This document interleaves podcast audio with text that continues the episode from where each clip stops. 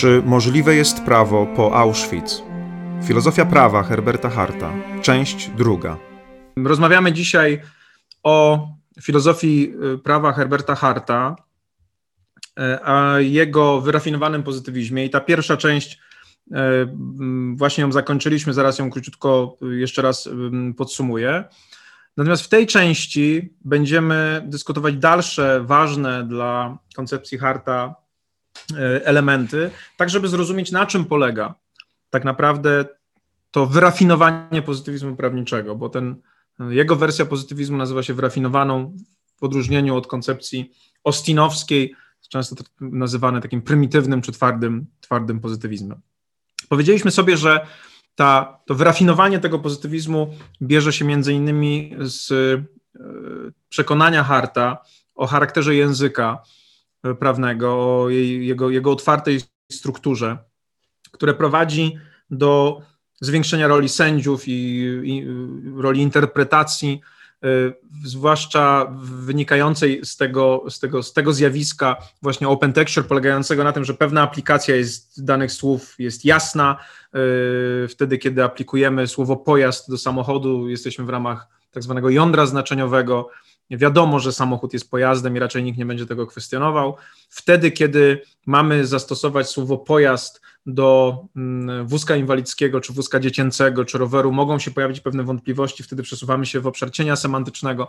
Ta refleksja nad językiem była jednym z pierwszych bardzo istotnych wkładów Harta w pokazanie tego, że mm, ten język jednak funkcjonuje trochę inaczej niż nam się do tej pory wydawało. Przede wszystkim nie jest taką bezpośrednią transmisją twierdzenia e, prawodawcy, która nie wymaga żadnej obróbki. Gdzieś tam ktoś musi podjąć decyzję, do czego ten język się odnosi albo do czego, do czego się nie odnosi. Po drugie, mówiliśmy o tym, że mamy element e, w, u Harta bardzo mocno związany z, jakby z poszerzeniem spektrum reguł, które, które są w prawie.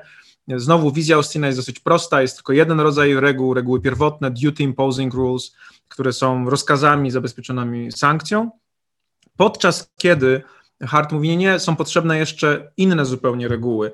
Y, reguły drugiego stopnia, reguły wtórne, takie jak reguła, y, reguły zmiany, reguła, reguły rozsądzania, czy wreszcie ta najważniejsza u niego reguła uznania, będąca takim testem ważności reguł ustanowionych przez prawodawcę, stosowanym właśnie przez, przez sędziów. I dyskutowaliśmy właściwie ten jeden taki bardzo istotny element, który odróżnia y, koncepcję Harta od koncepcji Ostina, który, który mm, jest takim elementem dialogowości tej koncepcji. O ile u Austina prawo jest y, utworzone jednostronnie, suweren, ten, który, wobec którego wszyscy mają nawyk posłuszeństwa, reguluje mocną ręką życie społeczne, u Harta mamy do czynienia z pewnego rodzaju współpracą, e, która może być jakimś tam, może być rozumiana przez Was jako jakiś tam sposób odebrania podziału władz, y, koncepcji podziału władz, że do tego, żeby prawo funkcjonowało właściwie no, potrzebujemy kogoś więcej niż tylko prawodawcy. Potrzebujemy jeszcze kogoś, kto jest odbiorcą tych norm, kto właśnie dokonuje pewnej obróbki. I to wszystko dzieje się dzięki temu, że Hart zrozumiał właśnie, że tak, a nie inaczej funkcjonuje język, tak, a nie inaczej funkcjonuje, funkcjonuje prawo i, i przedstawił nam system bardziej złożony, który ewidentnie bardziej odpowiada temu, jak wygląda jak wygląda prawo współcześnie. W tej drugiej części chcę jeszcze podkreślić kilka elementów, które u Harta występują, po to, żeby pokazać taki pełen obraz tej jego wyrafinowanej koncepcji prawa. I te wcześniejsze nasze rozważania dotyczące e, właśnie języka prawa, dotyczące reguł, które są, są elementem systemu prawa, one były rozważaniami w zakresie tak zwanej tezy społecznej, to znaczy skąd się prawo bierze, w jaki sposób ono jest tworzone, jak się staje prawem i, i, i co się z nim dalej dzieje. Natomiast jak wiemy, jest jeszcze ta druga bardzo ważna teza pozytywizmu, teza o rozdziale. I tak jak tezę społeczną uczynił Hart bardziej wyrafinowaną, bo powiedział nie tylko reguły pierwotne, ale także reguły wtórne. Transmisja od prawodawcy nie jest taka prosta, potrzebne są jakieś ogniwa pośrednie tak samo uczynił bardziej wyrafinowane myślenie o, te, te, myślenie o tezie o rozdziale. Przypomnijmy sobie, że, że teza o rozdziale y, opiera się na twierdzeniu, że y, pewnych związków między prawem i moralnością być nie może. Mogą być związki treściowe, czyli prawo może mieć takie samą treść jak moralność. Y, artykuł 148 i piąte przykazanie mniej więcej mają podobną treść dotyczącą zakazu zabijania. E, mogą być związki funkcjonalne, to znaczy moralność może być powodem, dla którego ustanawia się prawo, ale nie mogą istnieć związki walidacyjne, czyli mówiąc inaczej, prawo nie może być unieważnione przez moralność. Nie można stwierdzić, że ponieważ jest niezgodne z moralnością jakąś, to, to, to, to nie obowiązuje.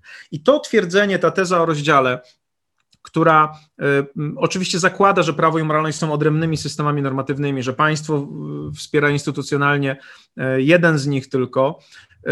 Ta teza o rozdziale jest bardzo mocna w, twardym pozytywizmie i po raz kolejny już przypominam, że ona była przyczyną jego upadku, no bo nie było żadnego testu wewnętrznego możliwego w pozytywizmie twardym, ażeby móc sobie powiedzieć, ok, te reguły ustanowione przez prawodawcę, tych przestrzegamy, ponieważ e, są dobre, oprócz tego, że zostały ważnie ustanowione, a tych nie przestrzegamy, ponieważ są niedobre, są niemoralne. No to w, w pozytywizmie jest niemożliwe do pomyślenia, ale też przypominam, że to nie jest jego wada, tylko jego cecha po prostu, dlatego że e, gdyby można było dowolnie podnieść argument moralny przeciwko dowolnemu przepisowi prawa pozytywnego, no to wtedy prawo nie pełniłoby funkcji koordynacyjnej i zakończyli, skończylibyśmy w anarchii. Bo każdy z nas mógłby powołać się na coś w rodzaju takiej e, pra prawnej, ogólnoprawnej klauzuli sumienia, czyli mógłby powiedzieć, no ja rozumiem, że to jest jakieś prawo, które zostało ustanowione, ale ono jest niezgodne z moją moralnością, ja chcę mu się sprzeciwić. Dlatego właśnie klauzula sumienia jest bardzo wąsko definiowana, tylko w niektórych przypadkach naszego życia społecznego, y, żeby nie można było generalnie powoływać się na moralność jako, jako powód, dla którego ja przestaję y, się stosować do danego, do danego prawa. Więc teza o rozdziale prawa i moralności, teza o braku związków walidacyjnych, teza o tym, że moralność nie może unieważnić prawa, ma głęboki sens, dlatego że bez niej nie dałoby się sterować społeczeństwem, bo każdy by mógł dowolnie się na, w pewnym sensie dowolnie na swoją moralność powołać. Ale każdy kij ma dwa końce. Jak się nie można powoływać na moralność, dowolnie, no to nie można się powołać w ogóle, dlatego że, że kto by to ocenił, kiedy jest powołanie dowolne, a kiedy takie uzasadnione. I to po powoduje, że prawo, jak pisał Radbruch, pozytywne staje się bezbronne wobec sytuacji, kiedy nagle zaczyna rządzić prawodawcą, zostaje zły człowiek i, i, i wypełnia to prawo takimi wartościami, które są nie do zaakceptowania, a jednocześnie sama struktura pozytywizmu nie pozwala się temu sprzeciwić, no i wtedy ludzie wykonują te rozkazy, a jednocześnie czynią zło.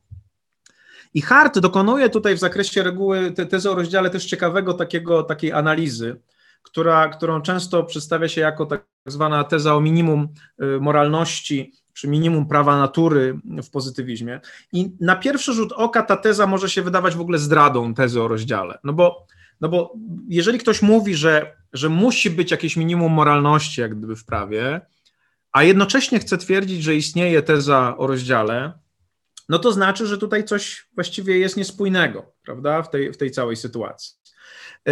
Mimo to Hart stawia taką tezę, taką tezę o minimalnej zawartości prawa naturalnego w prawie pozytywnym, i dzięki temu, czy przez to staje się ta teza o rozdziale taką miękką wersją tezy o rozdziale. I, I teraz, dlaczego mimo to my mówimy cały czas, że to jest, że to jest pozytywizm, albo dlaczego mówimy, że to jest teza o rozdziale. Nie wszyscy tak twierdzą. To znaczy, wspomniany wcześniej e, profesor Lech Morawski w takim tekście pozytywizm twardy, pozytywizm miękki, pozytywizm martwy Mm, ten tytuł dużo mówi, pokazuje, że w sytuacji, w której pozytywizm dozwala na to, żeby jednak istniała jakaś minimalna zawartość tego prawa naturalnego w prawie pozytywnym, to zdradza pozytywizm. Pozytywizm przestaje w ogóle mieć jakikolwiek sens, no bo no, nie ma, albo tak, albo tak, albo jest teza o rozdziale, albo jednak musi być jakieś minimum, bo jak go nie ma, no to wtedy prawo nie może funkcjonować, a więc, a więc w pewnym sensie jest, jest wadliwe. No więc dlaczego mimo to mówimy o tym, Y, że, że to jest dalej pozytywizm. Otóż,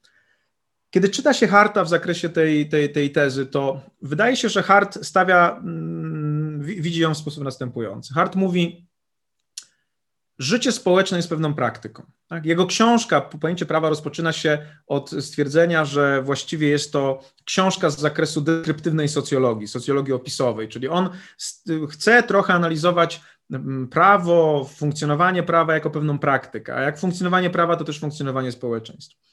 I można powiedzieć, że y, Hart tutaj nie stawia wcale jakiejś takiej bardzo mocnej tezy moralnej, treściowej, tylko mówi tak: jeżeli prawo jest praktyką społeczeństwa, jeżeli w związku z tym ma funkcjonować w tym społeczeństwie, to trudno sobie wyobrazić czysto analitycznie y, prawo, kiedy nie ma społeczeństwa.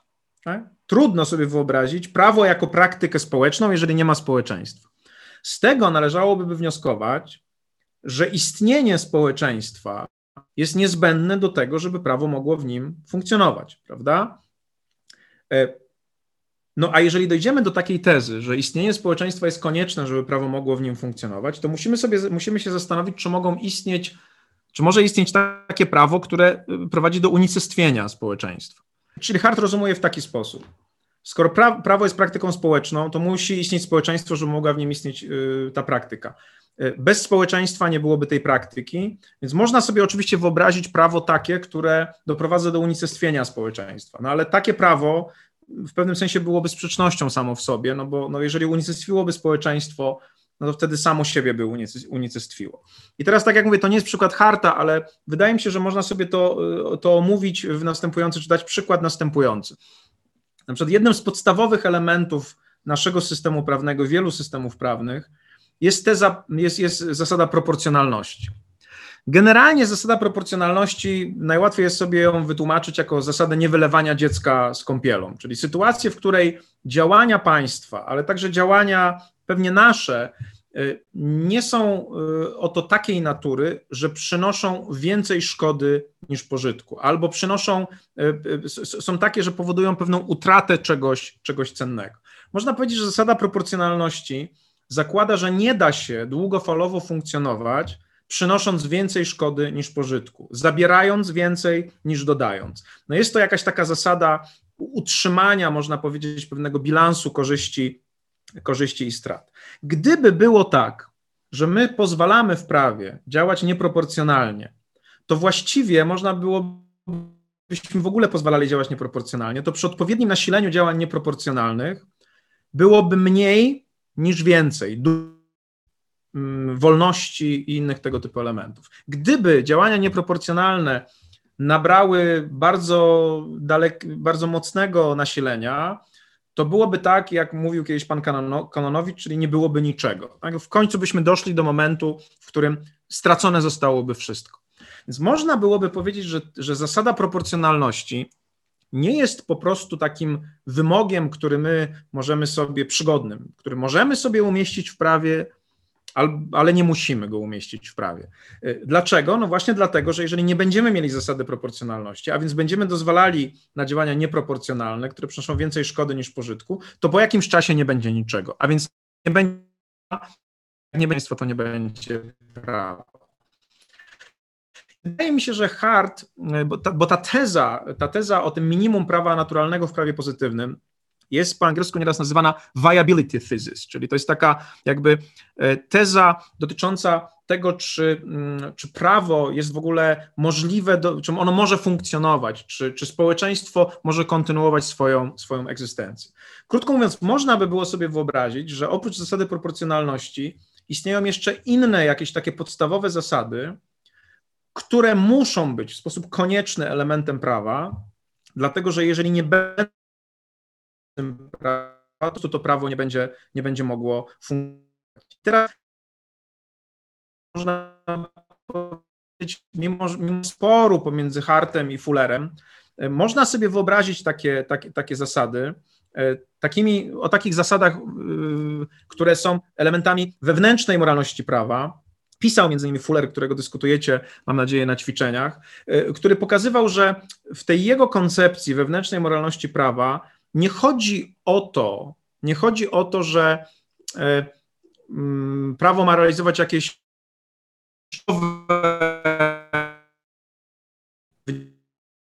jakiejś konkretnej wizji prawa naturalnego, tylko że jeżeli prawo jest jakimś artefaktem, jest jakimś narzędziem, które ma pełnić jakąś funkcję, na przykład ma koordynować nasze zachowania, no to ono musi mieć pewne wewnętrzne cechy, które umożliwią mu tę możliwość, yy, czyli to, to, funkcjonowanie. Jeżeli na przykład prawo nie będzie komunikowane czy ogłaszane, no to to nie chodzi o to, że to jest naruszenie jakiejś wielkiej zasady moralnej, która jest elementem dekalogu, bo akurat elementem dekalogu nie jest zasada, że prawo trzeba, w, znaczy promulguj prawo. Tak? To nie jest element dekalogu. Chodzi o to, że komunikacja prawa jest niezbędnym elementem, żeby ono w ogóle odegrało swoją rolę komunikacyjną, żeby mogło regulować jakieś zachowania. No więc można powiedzieć, że jej promulgacja wymóg promulgacji jest pewnym warunkiem koniecznym nie ze względów zewnętrznej moralności, tylko w moralności e, wewnętrznej. E, tak samo prawo, Fuller mówi, prawo nie może być sprzeczne, bo jeżeli są normy, które są sprzeczne, to nie wiadomo co robić, tak? bo jedna mówi rób A, a druga mówi nie rób A. No więc nie, mo nie można się dostosować do żadnej z tych reguł, znaczy do, jednocześnie do obu tych reguł, bo zawsze jedną się e, złamie. Jeżeli prawo wymaga czegoś niemożliwego, no to wtedy ono też nie może regulować naszych zachowań. Podaje Fuller te przykłady y, króla Rexa, natychmiast w jakimś miejscu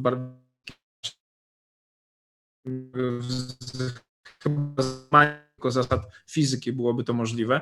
To są wszystko sytuacje, w których mamy do czynienia z pewnego rodzaju wymogami mogło funkcjonować. Mam wrażenie, mówię, mimo dyskusji między Hartem i Fullerem, że tu w dużej mierze chodzi o takie elementy, które właśnie są elementem tego viability thesis. To znaczy, żeby prawo mogło funkcjonować, musi istnieć społeczeństwo, a więc społeczeństwo musi przetrwać. Żeby społeczeństwo mogło przetrwać, potrzebne są pewne wymogi, które wynikają, w tym sensie można o nich mówić, że są wymogiem prawa naturalnego, że one wynikają z natury świata że one wynikają po prostu z tego, jak funkcjonuje świat, w jaki sposób my w nim, my w nim jesteśmy i w, jak, w jaki sposób w nim operujemy. I w związku z tym, w związku y, z tym będziemy, on, one są niezbędne.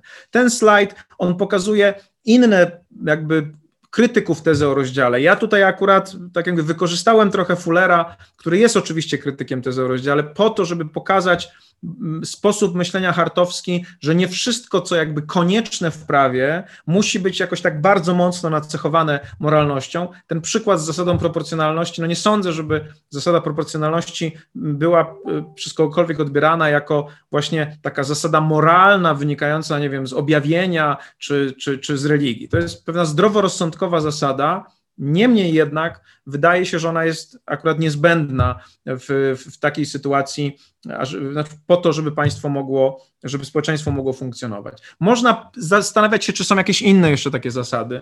Ja im dłużej zajmuję się kwestiami podziału władz i pewnych procesów komunikacyjnych w państwie, dochodzę do wniosku, że zasada podziału władz też może być taką zasadą, która jest konieczna. I to nie ze względu na to, że ona jest moralnie dobra, tylko dlatego, że y, jak pisał, pokazywał to Hayek między innymi, y, podział władz w społeczeństwie, czyli podział pewnego rodzaju y, decyzji, konieczność ucierania tych decyzji, komunikacji pomiędzy różnymi ośrodkami, zapewnia właściwy przepływ informacji i podejmowanie słuszniejszych decyzji niż decyzje podejmowane przez jeden podmiot.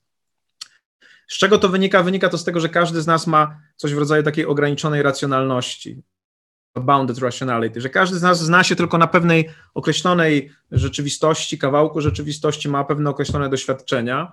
I według starej zasady, co dwie głowy to nie jedna, y, decyzja podejmowana przez jedną osobę zawsze prawie zawsze ma, ponosi to ryzyko, że będzie gorsza niż decyzja podjęta przez, yy, przy konsultacji większej liczby osób. Ze względu na lepszy dostęp do informacji, a w związku z tym lepszą podstawę dla podjęcia takiej decyzji.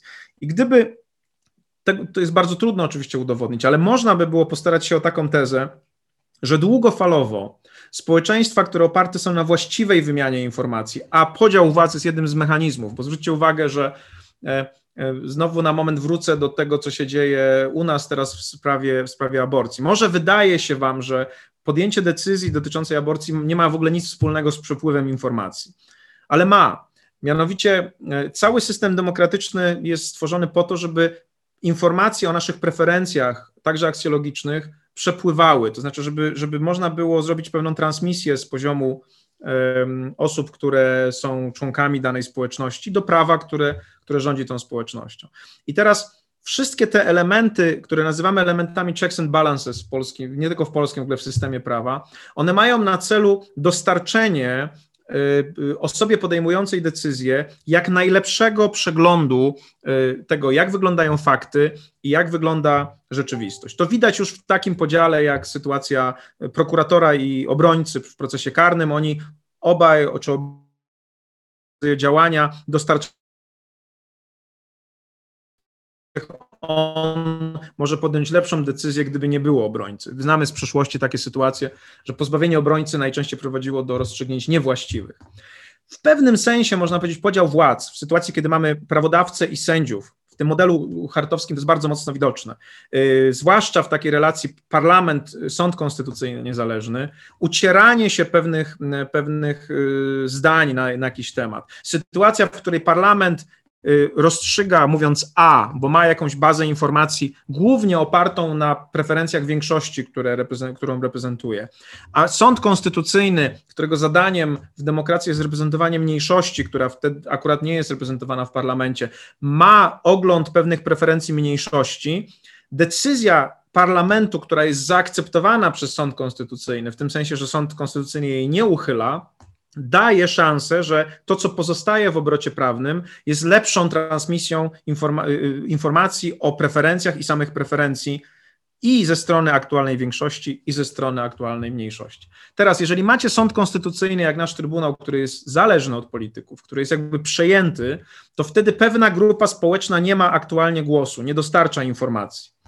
E, dlatego że nie ma swojego reprezentanta. Myślę, że chyba nie ma wielkiej wątpliwości, że w tym momencie myślenie parlamentu, czyli większości politycznej i sądu konstytucyjnego jest tożsame.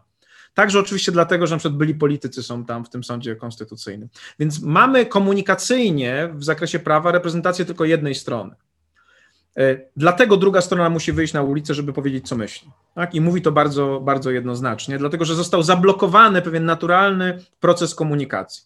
Oczywiście ten proces komunikacji nie jest, nie jest idealny, dlatego że jest oparty na niepokoju społecznym e, i w pewnym sensie e, to jest argument siły tylko i wyłącznie, no bo tak w normalnym państwie sąd konstytucyjny przedstawiający pewne argumenty jest traktowany jako uprawniony do wpływania na prawo. Kiedy ludzie wychodzą na ulicę i chcą wpływać na prawo, no to wtedy jest takie poczucie, że to nie jest normalny, normalny system. Ja, ja po prostu twierdzę, że gdyby nasz system działał właściwie, to jak już mówiłem wcześniej, gdyby orzeczenie Trybunału Konstytucyjnego było bliższe temu, co powiedział sędzia Kieres, to ta sytuacja nie miałaby miejsca. To znowu ma znaczenie dla tego, o czym tutaj rozmawiamy, bo to oznacza, że jak się przejmuje sąd konstytucyjny kontrolę nad nim, to tak naprawdę przestaje funkcjonować reguła uznania w sposób właściwy, bo nie ma tej drugiej strony, nie ma tego testu, który pozwala przy uwzględnieniu pewnego dobra ogólnospołecznego stwierdzić, czy reguła jest ważna, czy nie jest ważna. Jakiś test jest stosowany, jakiś test został zastosowany przez Trybunał Konstytucyjny tutaj, ale ten test był moim zdaniem wadliwy, dlatego że cechy czy pewne, pewne elementy tego testu, które zostały wzięte pod uwagę, nie uwzględniały wszystkich tych, które powinny były, wziąć, były wzięte pod uwagę, czyli na przykład y, tekstu Konstytucji z 1997 roku, sposobu jej uchwalenia, skrzywiono niejako to konkretne uznanie w tym przypadku i ono doprowadziło do, do konfliktu. To jest oczywiście po raz kolejny argument z, za tezą, o której mówiliśmy wcześniej, że reguła uznania jest groźna. Jeżeli jest użyta przez niewłaściwe osoby, no to wtedy może rzeczywiście doprowadzić do pewnej uzurpacji w zakresie prawa. Natomiast chcę, chcę tylko podkreślić, że koncepcja harta, zarówno w zakresie roli sędziów, jest także oparta na pewnej, pewnych zasadach przepływu informacji, wygłaszania swoich poglądów, e, przedstawiania stanowisk, także w sposób formalny. I jeżeli działałaby w sposób właściwy, to zapewnia pewien optymalny przepływ informacji w społeczeństwie i pozwala kreować reguły, które społeczeństwa. Jeżeli system jest popsuty, no to wtedy on nie działa właściwie. A, jak, a wyszedłem od tego wszystkiego mówiąc, że ta viability thesis, czyli teza o minimum pewnej treści prawa natury, ona jest oparta na pewnych takich koniecznych elementach, które w prawie muszą być. I biorąc pod uwagę to, jak się komunikujemy, jakie są nasze doświadczenia historyczne, myślę, że można by było postawić odważną tezę, że podział władz jest jednym z elementów, który powinien być elementem porządku pozytywistycznego, a więc nie jest przygodny, nie jest możliwy do albo żeby sobie go wybrać, albo żeby, żeby go usunąć, a w ten sposób można powiedzieć, że jest elementem prawno-naturalnym, bo pamiętajcie o tym, że elementy prawno-naturalne to są właśnie takie, które są jakby poza kontrolą ludzką. Znaczy my nie możemy sobie pozwolić, nie możemy ich dowolnie usunąć i dalej mówić, że mamy prawo. Więc tutaj mamy jakby taką trochę inną oczywiście wizję, no bo to, to nie jest wizja świętego Tomasza, to nie jest wizja, mówię, religijna, ale jednak jest to wizja, która mówi, są pewne niezbędne elementy, które muszą być. Możemy oczywiście dyskutować, czy jest niezbędna, jest niezbędna, ale Hart mówi, pewne są i od tego nie uciekniemy. Tak? Pewne elementy są niezbędne i od tego, od tego nie uciekniemy. Czy do tej kwestii są jakieś pytania?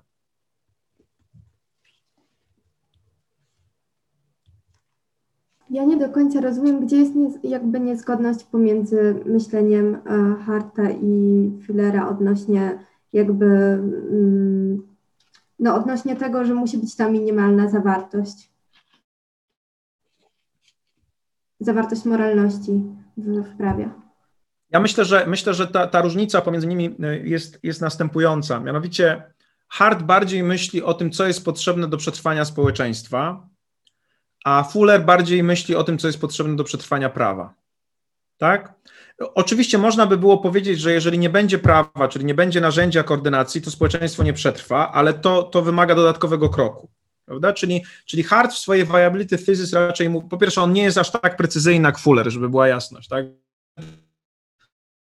Możemy, mieć, możemy spekulować, co on miał na myśli, mówiąc o tym minimum tej, tej treści. Natomiast ja, ja myślę, że to tak najłatwiej właśnie powiedzieć ta teza Harta jest nazywana viability, chodzi o to, żeby, żeby, żeby, nas, żeby mogło, żeby społeczeństwo mogło kontynuować swoją egzystencję, a więc on, się, on bardziej się zastanawia tym, co jest potrzebne, żeby społeczeństwo mogło funkcjonować, a funkcjonowanie społeczeństwa jest konieczne dla funkcjonowania prawa.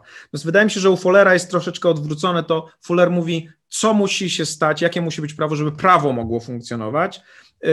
I to można by było sobie, tak jak mówię, później przełożyć na twierdzenie, że dzięki temu będzie mogło funkcjonować społeczeństwo, ale mnie się wydaje, że kierunek tutaj jest, jest w pewnym sensie odwrotny, można powiedzieć, tego rozumienia. I w związku z tym także charakter tej, tego minimum y, jest inny, bo u Fullera to są właśnie pewne minimalne wymogi co do cechy prawa, a co do cech prawa, natomiast u, u, u Harta to są raczej wymogi, które, od których zależy funkcjonowanie społeczeństwa. Dlatego na przykład u Fullera nie ma zasady proporcjonalności jako jednej z można by było u Harta stwierdzić, że zasada, e, że, że właśnie ta zasada proporcjonalności jest takim elementem. U Fullera nie ma zasady podziału władz, e, chociaż no tam może jakieś drobne elementy są, ale wprost ona nie jest wyrażona. Wydaje mi się, że być może udałoby się pokazać, że taka, taka zasada jest ważna z punktu widzenia tego, jak my przetwarzamy informacje i w jaki sposób podejmujemy w społeczeństwie decyzje. Czy to jest, czy to jest, czy to wyjaśniło jakoś? Tak, dziękuję bardzo. Dobrze, czy jeszcze jakieś pytania dotyczące tej, tej kwestii?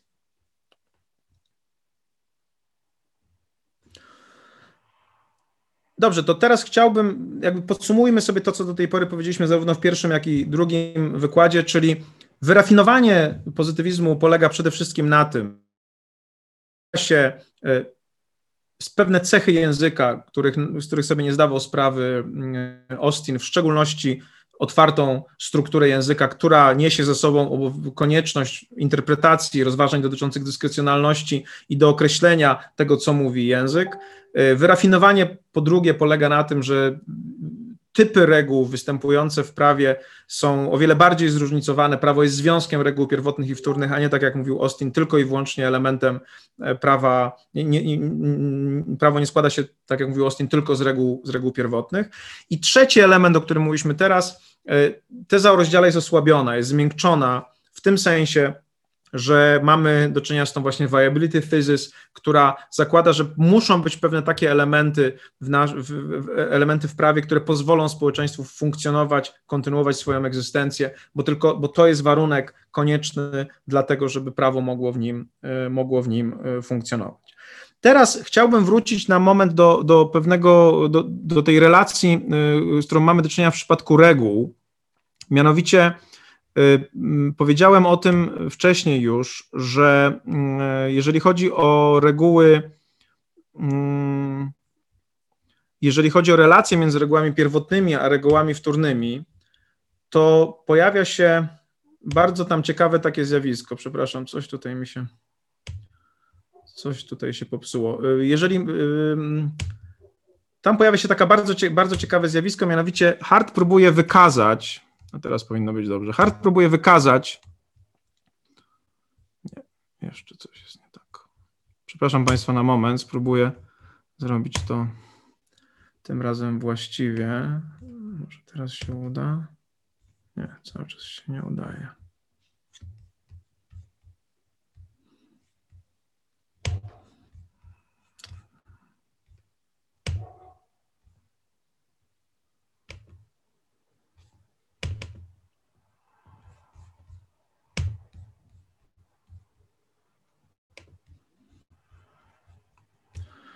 Dobrze, teraz myślę będzie. Teraz to będzie widoczne. Więc wracając do tego, e, pogłęb możemy pogłębić trochę w tej drugiej części jeszcze relacje pomiędzy regułami i przedyskutować jeszcze jeden element. Mianowicie, czy sankcja jest immanentnym elementem prawa, bo to jest ciekawa, ciekawy sposób rozumowania, który Hart przedstawia i warto się nad nim trochę pochylić. Skąd się bierze ten element? No, on jest elementem, to, że sankcja jest immanentnym elementem prawa, jest bardzo mocnym twierdzeniem twardego pozytywizmu.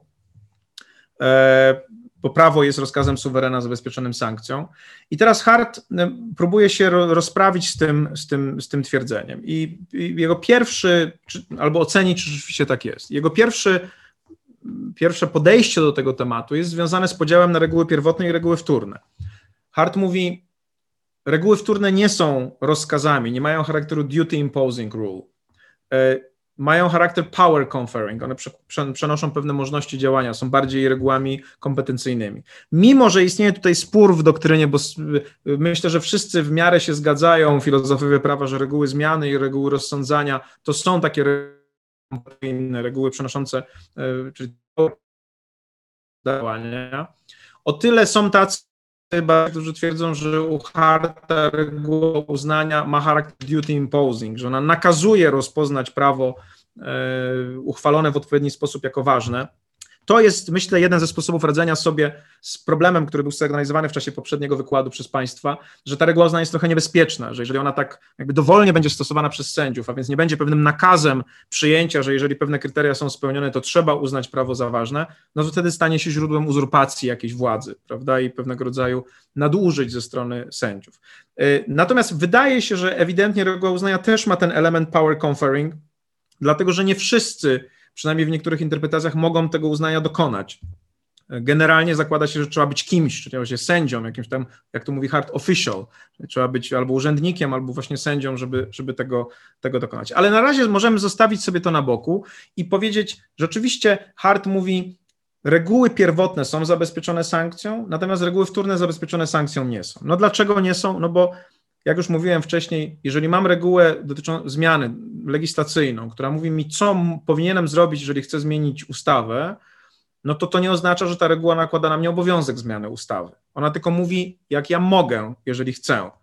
Y, nie zmienia to faktu, że ten obowiązek może wynikać z innej reguły, ale nie z tej, która mówi, jak się zmienia prawo. Jeżeli chcę sprzedać komuś dom, to jeżeli chcę, to mogę. Mogę wykorzystać tę y, prywatną regułę zmiany i podpisać umowę, i wtedy prawa i obowiązki się zmienią. Natomiast nie mam takiego obowiązku, no chyba, że znowu on wynika na przykład z innego jakiegoś, z innego źródła. Krótko mówiąc, reguły zmiany są, nie mają, nie mają, nie są regułami obowiązku, no i trudno powiedzieć, że jest sankcja, czyli w szczególności sankcja dolegliwości. Reguły rozsądzania podobnie są możliwością, pewną kompetencją do rozstrzygnięcia danej sprawy, natomiast nie, one same w sobie nie kreują obowiązku dokonania e, tego, tego rozstrzygnięcia. Sędzia, który chce wydać wyrok, idzie według pewnych reguł, natomiast on nie ma obowiązku wydania wyroku wynikającego z samej procedury. Znaczy, może być inny przepis ponownie, który nakłada na niego taki, e, taki, e, taki obowiązek. Krótko mówiąc, te reguły zachowują się inaczej, mówi Hart. I teraz zastanówmy się, czy Austin miał rację, mówiąc jednak, że sankcja jest immanentnym elementem prawa. Ktoś mógłby powiedzieć, mimo że reguły pierwotne i wtórne, że reguły wtórne nie mają sankcji, takiej typowej dolegliwości, sankcji dolegliwości, to mają sankcje nieważności. Tak? To ludzie, którzy chcą wpisywać każdą regułę w tak zwaną trójczłonową koncepcję normy prawnej, powiedzą, e, że zarówno pierwotne reguły mają sankcje w postaci sankcji właśnie dolegliwości czy jakiejś sankcji egzekucyjnej, ale reguły wtórne też można wtłoczyć w trójczłonową koncepcję normy i powiedzieć, że mają jak one jakąś hipotezę zaczynającą się od jeżeli chcesz, aby, nie wiem, że chcesz zmienić prawo, dyspozycję, to znaczy, która mówi, co musisz zrobić, żeby to prawo zmienić, i sankcje w postaci sankcji nieważności. Tak? Czyli, że jeżeli nie zrobisz tak, no to, to nie dokonasz tego, co chciałeś zrobić, nie zmienisz prawa. Więc Hart mówi, są tacy, którzy uważają, że e, Austin ma rację i że sankcja jest immanentnym elementem prawa, bo występuje też w regułach pierwotnych, tyle tylko, że nie sankcja więzienia czy zapłacenie kary, ale sankcja nieważności.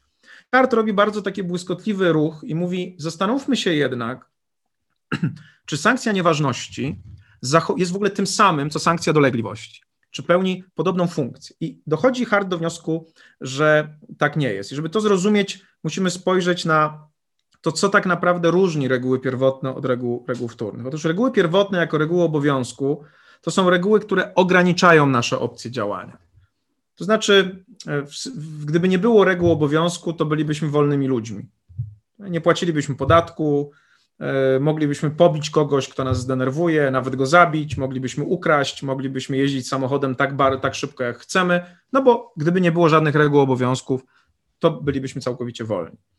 E, więc one ograniczają nasze opcje działania i wtedy, kiedy my się im nie podporządkowujemy, no to te sankcje mają nas zmusić do tego, żeby to ograniczenie opcji działania nastąpiło. I dlatego sankcja dolegliwości ma nam, ale sankcja egzekucyjna ma wymusić na nas, e, przepraszam Państwa na moment. Sankcja dolegliwości ma wymusić na nas, e, przepraszam, a sankcja egzekucyjna ma wymusić na nas dostosowanie się do reguły, a sankcja dolegliwości ma nam, ma być pewnym, pewnego rodzaju dolegliwością właśnie, która spowoduje, że następnym razem się dostosujemy. Czyli na przykład rozebranie budynku, który został wzniesiony niezgodnie z pozwoleniem na budowę, jest sankcją egzekucyjną, w tym sensie, że dostosowaniem świata do tego, jaki on powinien był być, gdybyśmy przestrzegali reguły, a sankcja karna za, za, za samowolę budowlaną jest jednocześnie dolegliwością, która ma nas zniechęcić do tego, żeby to robić, robić później, w, przyszłości. Więc te reguły ograniczają nasze działania i dlatego sankcja ma taką, a nie inną funkcję, także ograniczenia naszych działań. Natomiast reguły wtórne, te power conferring rules, mają inną cechę, mianowicie one nie ograniczają nasze, na, nasze działania, tylko, tylko dają nam nowe opcje działania. Jak Hart mówi, jak społeczeństwo miało tylko reguły pierwotne, to nie wiedziało, w jaki sposób szybko te reguły zmienić. Oczywiście można sobie wyobrazić, że ta zmiana by następowała e, jakoś tam zwyczajowo i ludzie przez pierwszą 50, przez płacili dziesięcinę, a później jak zaczęli płacić więcej, ale wiadomo, że społeczeństwo nie może czekać na następnych 50 lat, aż zwiększy e, kwotę podatku. Musi to, się, musi to być robione szybko, w taki sposób, żeby dostosowywać się do okoliczności. Więc jeżeli reguły wtórne nam dają opcje działania, no to one tak naprawdę kreują nowego rodzaju sposoby zachowania, takie właśnie jak zmienianie prawa, takie jak rozsądzanie, albo takie jak, jak, jak uznawanie. I teraz, jeżeli sankcja się pojawia w tym przypadku, no to już z samego tego powodu ona nie może mieć takiej samej funkcji jak sankcja dolegliwości czy sankcja egzekucyjna, dlatego że no, inaczej ona musi, ona musi działać. W tym przypadku sankcja nieważności polega na tym, że ja nie odnoszę tego skutku, który chciałem, czyli jestem pozbawiony opcji działania. Jest to taka sankcja, która mówi: wydawało ci się, że coś zrobiłeś, podczas kiedy tak naprawdę nic nie zrobiłeś, prawda? Wydawało ci się, że rozporządziłeś swoim mieniem na wypadek śmierci, ale ponieważ twój testament jest nieważny, nie zrobiłeś tego. Wydawało ci się, że uchwaliłeś ustawę, ale ponieważ twoja ustawa jest niekonstytucyjna, nie zrobiłeś tego, ona nie będzie, ona nie będzie obowiązywać. Więc tutaj widać wyraźnie, że już jest pierwsza różnica pomiędzy regułami pierwotnymi i regułami wtórnymi, właśnie w zakresie tego, co one robią. Natomiast Hart idzie jeszcze dalej i mówi, i przeprowadza taki, taki, taki, taki, taką analizę, która wydaje mi się jest bardzo, bardzo interesująca. Mianowicie mówi, że reguły zmiany, reguły rozsądzania czy orzekania i uznania, one muszą być rozpatrzone jeszcze z jednego punktu widzenia. Otóż mówi tak, reguły, reguły pierwotne mogą funkcjonować bez sankcji. Mogą funkcjonować bez sankcji. Reguły wtórne, taka jest teza Harta, nie mogą funkcjonować bez sankcji nieważności. I, i, i sposób argumentacji jest tutaj ciekawy, chociaż nieraz trudny, trudny do zrozumienia. Zacznijmy od tego, czy rzeczywiście jest tak, jak mówi Hart, że reguły pierwotne mogą funkcjonować bez sankcji. Otóż wiemy, że są takie reguły, leges imperfecte. Prawda? Są to takie reguły, które nakładają obowiązek, ale nie przewiduje się sankcji.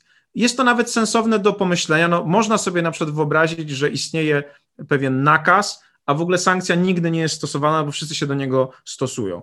Albo właśnie, że istnieją pewne reguły, które są wypełniane przez ludzi, mimo że y, sankcja nie istnieje. Jest to możliwe, jest to możliwe do, do pomyślenia. Więc Hart mówi tak, jest możliwe wyobrażenie sobie istnienia reguły pierwotnej bez sankcji. Teraz zastanówmy się, czy może istnieć reguła wtórna bez sankcji nieważności.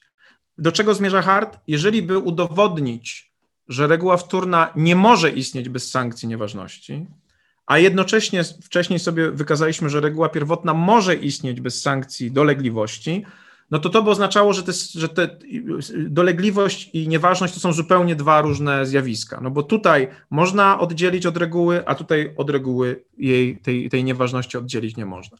Czyli czy reguły wtórne mogą mm, istnieć, w ogóle funkcjonować bez sankcji nieważności? I tutaj znowu mamy odwołanie do gier, o których już mówiłem wiele razy dzisiaj. To wynika z tej współpracy Harta z Johnem Longshawem Austinem i ich, ich zainteresowaniem regułami gier, które w wielu miejscach są podobne do reguł o charakterze, zwłaszcza do reguł wtórnych, dlatego że właśnie one konstytuują pewne, pewne zachowania. Y, bez reguły gry w piłkę nożną nie istniałoby coś takiego jak spalony, y, nie istniałby gol, bramka strzelona. Muszą być jakieś reguły, które konstruują w ogóle to, co to znaczy, że się strzela gola albo że zdobywa się punkt, pewne jakie warunki muszą być spełnione. Z tego punktu widzenia te reguły, które regulują gry są jakby podobne do reguł wtórnych, bo one konstytuują pewne nowe swobody, formy zachowania. E, na przykład Andrzej Marmor e, napisał kiedyś taki tekst pod tytułem Dlaczego prawo jest podobne do szachów, wskazując, że praktyka grania w szachy jest zależna od pewnych reguł, które ją konstytuują prawda, bierki szachowe, trzeba im nadać pewien status, trzeba określić w jaki sposób one się trzeba zdefiniować, co jest szachem, trzeba zdefiniować, co jest matem, trzeba zdefiniować, co jest roszadą i tak dalej, i tak dalej. Więc musimy mieć najpierw reguły, które tworzą pewne formuły zachowań, i dzięki temu ktoś potem może dokonać roszady. Jednocześnie dokonanie roszady nie jest wykonaniem żadnego obowiązku, bo nikt, i też nikt nie ponosi sankcji, dolegliwości za to, że dokonał e, roszady, bo to są reguły konstytuujące pewne nowe zachowania. Podobnie w prawie są pewne reguły, które konstytuują zachowania, na przykład uchwalenie ustawy, zawarcie umowy, sporządzenie testamentu. Te reguły konstytuujące te zachowania mają specyficzny charakter. Na pewno nie są one imposing. One nikomu nie nakazują zagrania w szachy, nikomu nie nakazują dania mata, nikomu nie nakazują zrobienia roszady. To może być uzasadnione, ale nie nakazane. Tak? Może być uzasadnione wykonanie roszady, ale nie, ale nie, nie nakazane. Tak? Dlatego reguły gry dobrze się sprawdzają jako pewien pierwowzór, można powiedzieć, jako model, na którym reguły wtórne można, można analizować. Także dlatego, że reguły gry mają w sobie taki element, w którym pewne zachowania, się nie liczą, czyli są nieważne. Podobnie w prawie niezgodne z regułami zachowania się nie liczą, są, są, są nieważne. Można w pewnym sensie powiedzieć, że zdobycie bramki, czy zdobycie gola w piłkę nożną, czy zdobycie punktu w jakimkolwiek innym sporcie y, jest pewnym zachowaniem, które musi być zgodne z jakąś regułą, a jeżeli nie jest zgodne z tą regułą, to to jest nieważne zachowanie. To teraz widać bardzo dobrze w sytuacji istnienia systemu VAR, że oto mamy mecz, prawda, i mm, piłkarz strzela gola i wszyscy już się cieszą, a nagle następuje została złamana na przykład reguła, y, która mówi o spalonym, ręką, albo jakakolwiek inna reguła i sędzia unieważnia bramkę w pewnym sensie, tak? Jest gol, czy sędzia mówi, wydawało wam się, że jest bramka, nie ma bramki. W pewnym sensie to jest zachowanie podobne do sędziego, który unieważnia umowę, albo do sędziego, który mówi, wydawało wam się, że to jest ważna konstytucyjna ustawa, a my ją uchylamy, stwierdzamy, że ona jest nieważna. Więc te podobieństwa pomiędzy grami a, a właśnie prawem, szczególnie regułami wtórnymi, były zawsze dla Harta bardzo interesujące. I teraz wracamy do naszego do naszego mm, głównego pytania. Czy sankcja nieważności jest sankcją? Czyli czy sankcja nieważności zachowuje się tak samo jak sankcja dolegliwości? I czy można sobie wyobrazić, bo powiedzieliśmy, że można sobie wyobrazić, że sankcja dolegliwości jest oddzielona od normy y, pierwotnej, od reguły pierwotnej, czy można powiedzieć, że sankcja nieważności jest tak samo oddzielona od reguły, reguły wtórnej? Hart mówi, odpowiada na pytanie nie. Dlaczego? Wyobraźcie sobie, że jest, powiedzmy sobie, że mamy tutaj przykład właśnie piłki nożnej. Wyobraźmy sobie, że mamy taką sytuację, że zastanawiacie się, co musi być spełnione, ażeby, ażeby została ważnie zdobyta bramka. Tak? No i możemy sobie wylistować w piłce nożnej. Musimy, możemy sobie wylistować szereg warunków, które są potrzebne. Y, niektóre z nich są y, oczywiste i od razu przychodzą, przychodzą do, do głowy, tak? Czyli nie można strzelić ze spalonego, tak? Nie można strzelić ręką, nie można dotknąć ręką w czasie akcji, która doprowadziła do strzelenia y, tej bramki. Piłka musi przejść pełnym obwodem linię y, bramkową. Ale są jeszcze inne zasady, o których nawet na co dzień nie myślimy. Y, strzelenie bramki musi nastąpić w trakcie trwania meczu, a nie w przerwie na przykład, tak? czyli, czyli w, odpowiednim, w odpowiednim y, momencie. Moglibyśmy sobie zrobić wylistowanie y, warunków koniecznych do ważnego zdobycia, zdobycia bramki.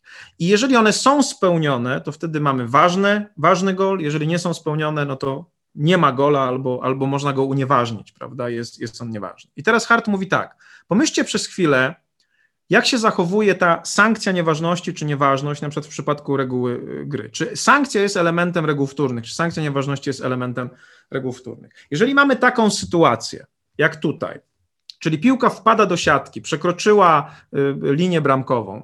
I są spełnione wszystkie te warunki, z którymi mieliśmy do czynienia, o które sobie wylistowaliśmy, stwierdzamy ważnie zdobyta bramka. Ważnie zdobyta bramka. Natomiast jeżeli mamy taką sytuację na przykład, czyli mamy sytuację niespełnienia któregoś z tych warunków, czyli akurat w tym momencie mm, piłka nie przekroczyła e, linii, ale inną sytuację właśnie był spalony, wtedy zastanówcie się, czy absolutnie konieczne jest, żeby następowała nieważność jako sankcja, żeby ktoś, żeby, żeby można było powiedzieć, nie zdobyto gola, nie zdobyto ważnego gola.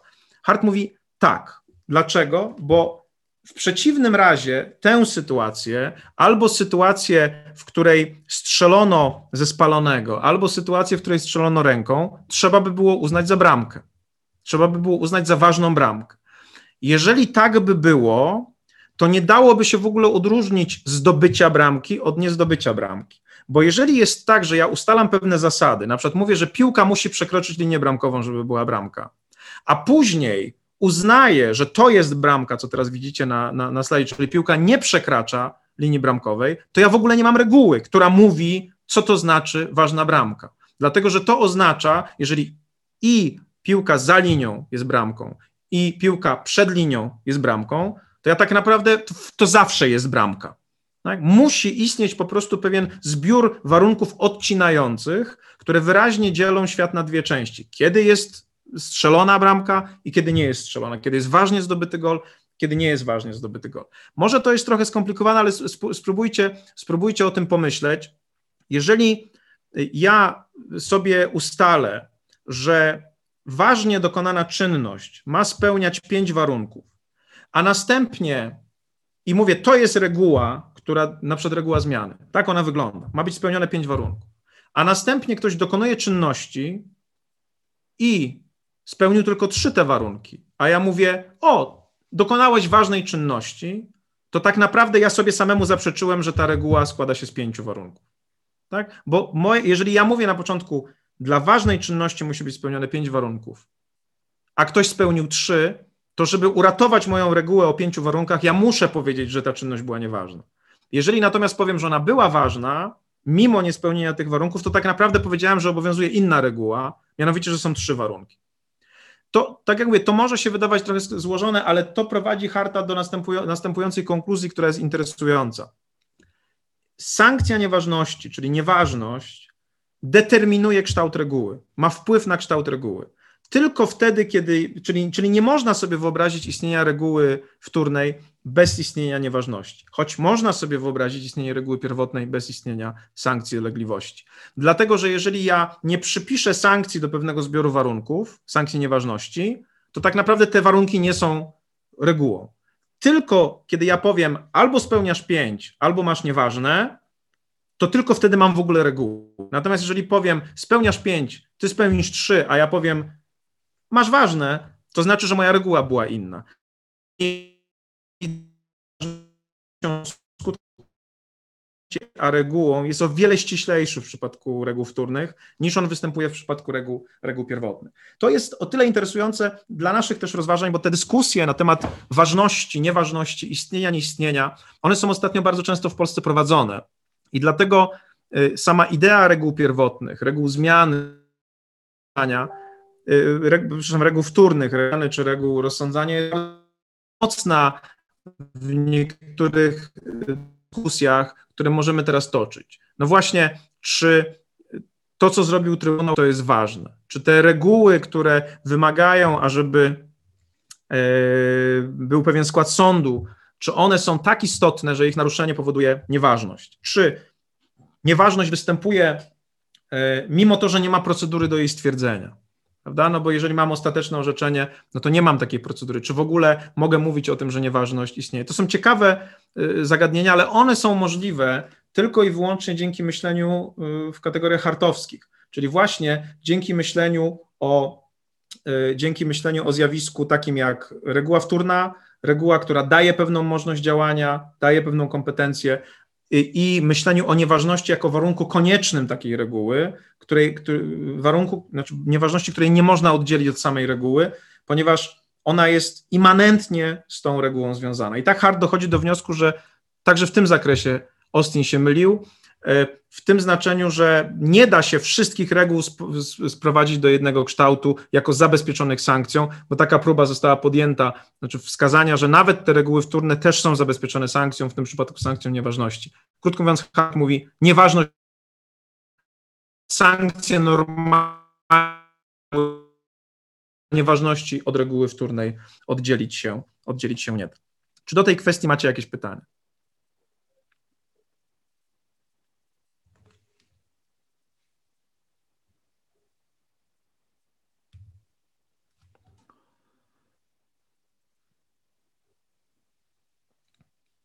Jeżeli nie ma pytań, to to są konkluzje do zapamiętania, więc sankcja nie jest immanentnym elementem reguł pierwotnych. Reguła pierwotna może funkcjonować bez sankcji. Nieważność jest immanentnym elementem reguły wtórnej, czyli reguła wtórna nie może istnieć bez skutku nieważności, a więc nieważność nie jest sankcją, bo ewidentnie y, nieważność i dolegliwość, czy nieważna egzekucja to są zupełnie, można powiedzieć, zachowania innego rodzaju, innego rodzaju y, działania.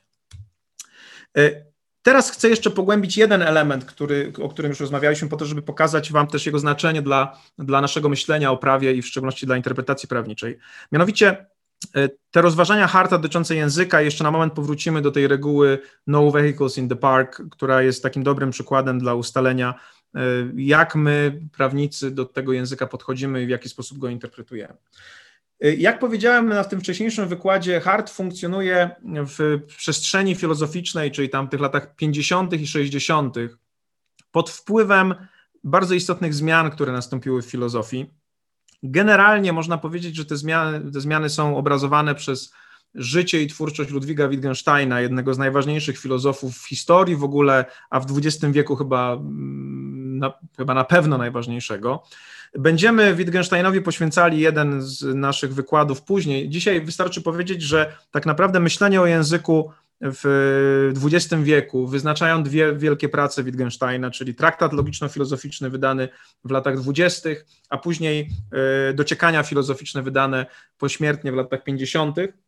Czyli mamy taką oto sytuację, że najpierw pierwsza książka Wittgensteina kreuje pewnego rodzaju sposób myślenia o języku i ten sposób myślenia o języku jest taki bardzo naukowy, taki właśnie oparty na przekonaniu, że język może precyzyjnie do rzeczywistości się odnosić. Tam się pojawia taka obrazkowa teoria znaczenia, i na tej koncepcji jest budowana w ogóle nowa wizja nauki w pozytywizmie, nauki, która tworzy teorie, które bardzo precyzyjnie świat opisują. Czyli można powiedzieć, że pierwsza praca Wittgensteina daje taką nadzieję na to, że ludzkość może mieć język idealny, który w sposób y, y, taki bardzo precyzyjny opisuje rzeczywistość i się do tego, do tego języka odnosi. I można powiedzieć, że przez pierwszą połowę XX wieku żyjemy w przeświadczeniu, że taki język można osiągnąć.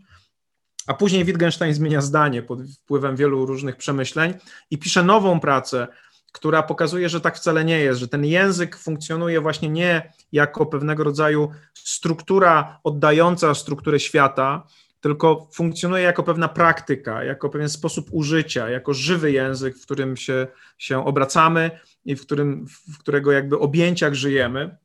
I to myślenie, które się pojawia u Wittgensteina, ono jest też odbite w pewnym sensie u Johna Longshaw Austina, który także mówi, nie myślę o jakiejś, nie myślę o gramatyce, nie myślę o strukturze, wielkiej strukturze języka, myślę o języku w praktyce, o języku, który coś robi, który coś zmienia w rzeczywistości, o pewnych zachowaniach językowych, takich jak zawarcie małżeństwa, jak nadanie imienia yy, łodzi, e, jak, jak, jak, jak właśnie, nie wiem, e, dokonanie innej czynności, takiej performatywnej, to myślenie, do którego będziemy jeszcze kilkakrotnie wracać, ten, ten, ta zmiana, yy, w ogóle skupienie się na języku w wieku XX jako ważnym elemencie naszego bycia w rzeczywistości i też te przejścia właśnie od języka jako struktury do języka jako praktyki, to są ważne elementy, które miały miejsce w wieku XX i one zmieniły też nasze podejście do prawa. I Hart już w pojęciu prawa ewidentnie widać u niego to takie nowoczesne podejście do języka, to, które traktuje język jako jako praktykę, bierze pod uwagę kontekst, w którym język się pojawia. I oczywiście dla prawników to ma istotne znaczenie, szczególnie dlatego, że my bardzo często interpretujemy przepisy w innym kontekście niż one były tworzone. I pytanie o to, na ile kontekst wpływa na naszą decyzję interpretacyjną, na ile zmiana znaczenia może mieć wpływ ta zmiana, która się dokonała po drodze od momentu uchwalenia do momentu interpretacji, to są kluczowe pytania, na które będziemy musieli sobie w dalszych wykładach odpowiedzieć. Więc dużo się dzieje w filozofii języka w wieku XX i to wpływa na myślenie o prawie, to u Harta bardzo, bardzo wyraźnie widać. Widać ten wpływ tej filozofii języka potocznego, yy, tej niedookreśloności języka, zwłaszcza takich dwóch pojęć, które warto rozróżniać, czyli vagueness i ambiguity. My, my w, po polski, w języku polskim nie zawsze je rozróżniamy. Dwuznaczność, mamy dwuznaczność, dwuznaczność bardziej odpowiada słowo ambiguity. Nieostrość odpowiada słowu vagueness. Jaka jest różnica między nieostrością a dwuznacznością? Jeżeli powiem, e, kupiłem sobie zamek, to bez znajomości kontekstu nie wiecie, czy e, kupiłem element no, drzwi, czy kupiłem sobie posiadłość rycerską. E, dopiero jakby rozstrzygnięcie tego pozwoli Wam stwierdzić, o które znaczenie słowa zamek chodzi, prawda? Więc mamy tutaj mm, do czynienia z dwuznacznością w tym sensie, że dany może mieć dwa znaczenia. Ostrość bardziej jest cechą takich słów jak na przykład łysy, y, młody, gruby czy chudy, to znaczy są to słowa, mogą mieć jedno znaczenie, natomiast nieraz jest stwierdzić, czy konkretna rzecz pod nie podpada. Czy na przykład trudno jest powiedzieć, kiedy zaczyna się łysość. Znaczy, czy jeżeli człowiek ma jeden włos, to czy jest łysy, jeżeli ma cztery włosy, to jest łysy, e, albo co to znaczy młody, 35-latek jest młody. To, to, to, to jest nie. Wiemy dokładnie, co znaczy bo, ale nie wiemy, w jaki sposób je zaaplikować. Mogą być jednocześnie ostre. Jeżeli już ustalimy, że w drzwiach to w tym znaczeniu to słowo ostre. Nie ma wielkich wątpliwości, czy coś jest zamkiem w drzwiach, czy nie. Natomiast słowa nie mogą być jednoznaczne, mimo to cały czas być nieostre. Słowo łysy jest jednoznaczne, chociaż no, może w jakimś tam slangu oznaczać też nie, nieposiadanie pieniędzy, ale powiedzmy, te słowa często mogą być jednoznaczne, w sposób je zaaplikować. Te dwie cechy języka są rozpoznane przez Hartę i one znowu, ja już to podkreślałem, wymagają tego, żeby, żebyśmy mieli tutaj pewną specjalną rolę sędziów, którzy mogą ten język wziąć mm, na tapetę, obrobić go y, i, i, spowodować, żeby on mógł jednak regulować rzeczywistość, bo zwróćcie uwagę, że zarówno dwuznaczność, jak i nieostrość to są pewne cechy języka, no, które bardzo utrudniają jego wpływ na nasze zachowania. Jeżeli nie wiem, o które znaczenie e, słowa e, zamek chodzi, jeżeli nie rozumiem tego, co się do mnie mówi, no to oczywiście jest bardzo trudno stwierdzić, y, jak ja mam się zachować, i dlatego jest potrzebny ktoś, kto to dookreśli. Y, I teraz istnieją oczywiście różne sposoby tego dookreślenia. Jeden z nich to jest taki sposób, którego jesteście uczeni na studiach. Jeżeli wykładnia językowa prowadzi do efektu niezadowalającego, bo dochodzimy do wniosku, że nie jesteśmy w stanie stwierdzić, które, o które ze znaczeń chodzi, albo właśnie mamy nieostrość, no to wtedy jednym ze sposobów jest odwołanie się do wykładni funkcjonalnej albo celowościowej, czyli szukamy wtedy pewnego rodzaju wskazówek, jaki był cel tych przepisów.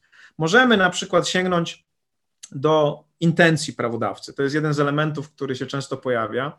I moim celem na tym etapie tego wykładu jest pokaza, pokazanie Wam, że nawet te metody, które mamy, one nie zawsze dają odpowiedni, odpowiedni rezultat. No spójrzmy na przykład na odniesienie się do, do, do, do intencji, intencji prawodawcy. Już pomijam fakt, że bardzo trudno jest nieraz ją zidentyfikować.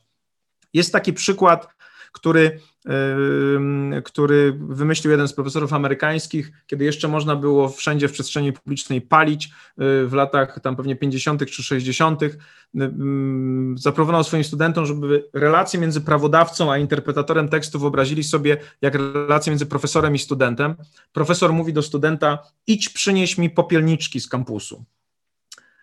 No i teraz to sformułowanie jest w tym sensie problematyczne, że student nie do końca wie, y, jakie popielniczki ma przynieść, ile tych popielniczek ma przynieść. I teraz mówi autor się na kilka różnych sposobów. To znaczy, może pójść i na przykład przynieść absolutnie wszystkie popielniczki, które są, w tym te, które są przez kogoś aktualnie używane, czyli może pójść i powyrywać ludziom z rąk te popielniczki, może powyrywać ze ścian popielniczki, które tam są przy, przymocowane i przyniesie po prostu wszystkie.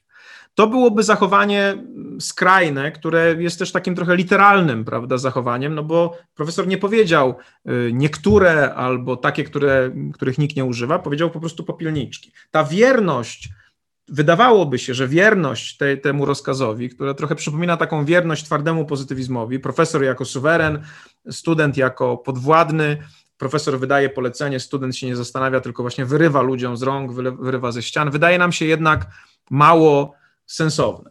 Można sobie wyobrazić, mówi autor tego pomysłu, że student jest, ma taki, taką niejasność, że nie robi nic, ponieważ nie wie, czy ma przynieść wszystkie, czy tylko niektóre, no to nie robi nic. I nieraz też tak się dzieje, że prawo jest po prostu rozpoznawane jako nie mogące w ogóle kierować zachowaniem człowieka. Natomiast wydaje się, że najbardziej sensownym rozwiązaniem jest próba jakiegoś odtworzenia intencji tego profesora. No, na przykład student, jak mówi ten przykład, może sobie przypomnieć, że profesor będzie organizował imprezę u siebie, tam gdzieś, prawda, w katedrze.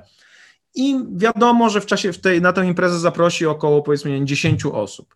No i w ten sposób, po przetworzeniu, podtworzeniu tej intencji, ten student może pójść i rzeczywiście pozbierać tylko popielniczki, których nikt nie używa i które są wolno stojące, w tym sensie, że można je przynieść bez niszczenia ścian. To pokazuje, że tak naprawdę zrozumienie literalne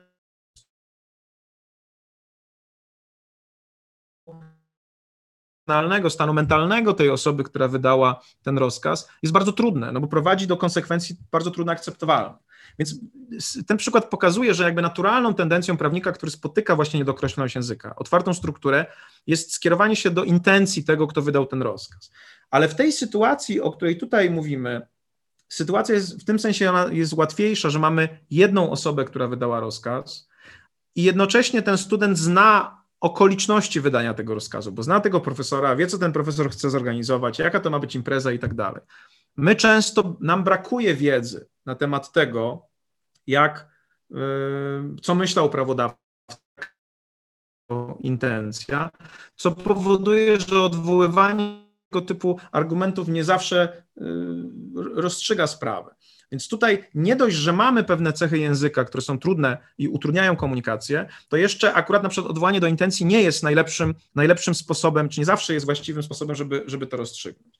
Podobnie, jeżeli znowu wrócimy do tego przykładu żadnych pojazdów w parku, czy, czy no vehicles in the park, to możemy sobie uświadomić, że oprócz tych takich zjawisk, o których mówiłem wcześniej, czyli jądro semantyczne i, i cień semantyczny, yy, mamy do czynienia mamy do czynienia jeszcze z jednym zagadnieniem, które chcę teraz omówić, czyli po, po, raz kolejny chcę trochę jakby poddać destrukcji przekonanie prawników, że nawet jeżeli takie cechy języka występują, to my mamy bardzo dobre narzędzia, żeby sobie z nimi, żeby sobie z nimi y, poradzić. Y, jak pamiętacie, ten podział na, ten, na to jądro znaczeniowe i cień semantyczny opiera się na tym, że mamy jakieś słowo i są pewne jego aplikacje, które są po prostu przez ogólnie akceptowalne, jak mam regułę żadnych pojazdów w parku, jestem strażnikiem przed parkiem, podjeżdża mi samochód, to wiem, że to jest objęte elementem pojazd, w związku z tym go nie, nie wpuszczam.